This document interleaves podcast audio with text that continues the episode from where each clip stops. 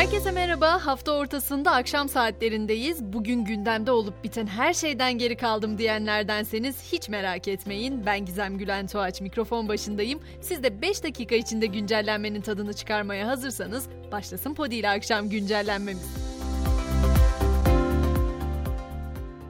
Bugün yargı başlığından gelen haberle başlayacağım. Türk Silahlı Kuvvetleri'nin kimyasal silah kullandığı yönündeki açıklaması sonrası terör örgütü PKK propagandası yaptığı gerekçesiyle hakkında dava açılan ve 27 Ekim 2022'de de tutuklanan Türk Tabipleri Birliği Başkanı Şebnem Korur Fincancı 2 yıl 8 ay 15 gün hapis cezasına çarptırıldı. Tutuklu kaldığı süre göz önünde bulundurulan Fincancı'nın tahliyesine karar verildi. Ekonomi başlığına geçecek olursak Dünya Bankası'nın açıklamalarına kulak verelim. Dünya Bankası Türkiye için 2023 büyüme tahminini 0,5 puan düşürerek %2,7'ye çekti. 2024 yılı tahmini ise değişmedi, %4'te kaldı. Maliye Bakanı Nebati de 14 farklı destekten oluşan kredi paketini açıkladı. 250 milyar lirayı bulan paket kapsamında EYT için işverenlere 25 milyar liralık kıdem tazminatı desteği sağlanacak. Ayrıca işverenlere 6 ay ödemesiz 36 aya kadar vade imkanı da sunulacak. Halkın ekonomisini ilgilendiren konuysa zincir marketlerin ardından tekstil sektörünün de fiyat sabitleme kararı alması, Türkiye Giyim Sanayicileri Derneği fiyat etiketlerinde artış yapılmayacağını duyurdu. Özellikle elinde stok olan markalar belli bir süre sabit fiyatla satış yapacak. Bir de biliyorsunuz pasaportta harç farkı krizimiz vardı. Neyse ki o krizde sona erdi. 2022 yılında pasaporta başvurup harcını yatıran ancak yoğunluk nedeniyle randevuları 2023 yılına kalanlardan %123 zamlı pasaport harcının farkını yatırmaları istenmişti. İçişleri Bakanı Soylu bu kişilerden ücret farkı alınmaması için talimat verdi. Artık dünyadaki yolculuğumuza geçelim derim. Grevler denince akla gelen ilk ülke olan İngiltere'de neler oluyor ona bir bakalım.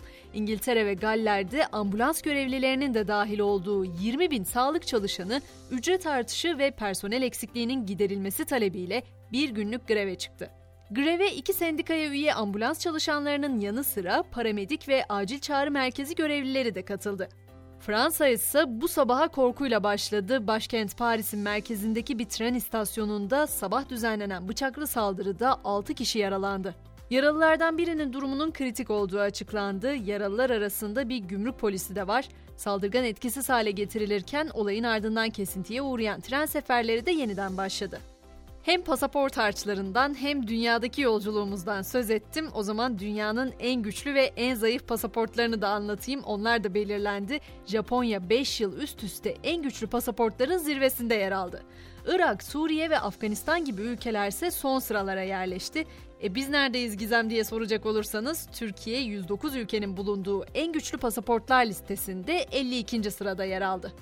Teknolojinin nimetlerine gelecek olursak video içerik alanında lider olan YouTube, Shorts üzerinden para kazanma döneminin ne zaman başlayacağını açıkladı. Shorts'ları bilmeyenler için söyleyeyim YouTube'daki kısa videolara deniyor. Onlar 1 Şubat'tan itibaren YouTube İş Ortağı programının bir parçası olacak ve daha fazla kullanılmaya başlanacak. Ayrıca program üzerinden bir gelir elde etmek isteyen üreticilerin de yeni sözleşmeyi kabul etmesi zorunlu hale gelecek.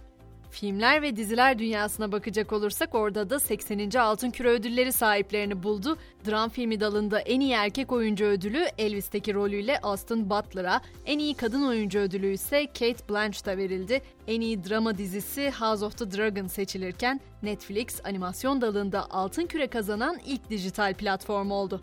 Bizden de film alanında önemli bir haberim var. Aşkı Memnu ekranlara dönüyor ama bu kez film olarak karşımıza çıkacak.